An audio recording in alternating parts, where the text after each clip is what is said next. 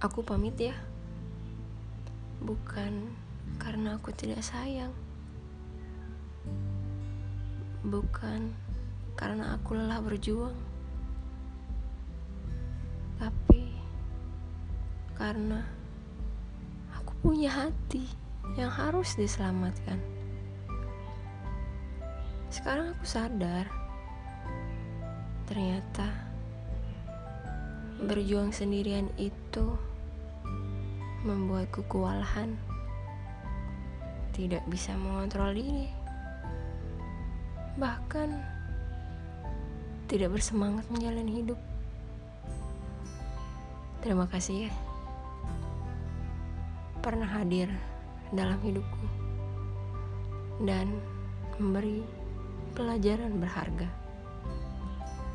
Terima kasih juga atas kebahagiaan yang telah kau torehkan kepadaku.